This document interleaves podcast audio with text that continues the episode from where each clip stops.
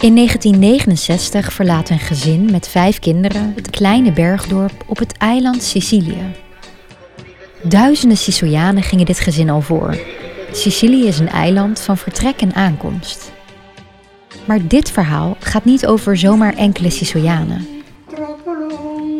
Dit is het verhaal van mijn familie.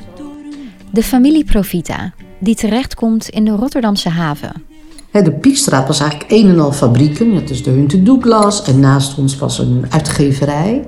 Tegenover ons was de melkfabriek.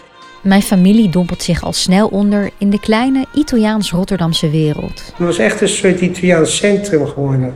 was live muziek. Iedere maand kwam een nieuwe band. Meestal was het Italiaans band. Ze konden hier ook kaarten. Knap Italiaanse mannen, die heel donker, heel netjes gekleed en zo.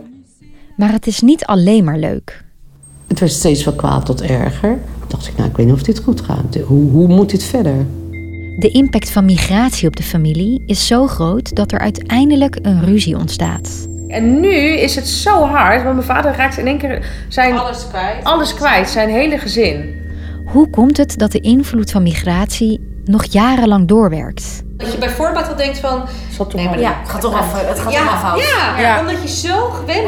van Dat vader. er altijd problemen zijn. altijd iets. En is dat dan die donkere wolk die ik vaak boven mijn familie voel hangen? Ik ben Gabriella Ader en mijn nieuwe podcast heet De verschrikkelijk mooie migratie en alles dat erna kwam. Een serie voor de VPRO, te beluisteren vanaf 8 januari in jouw podcast-app.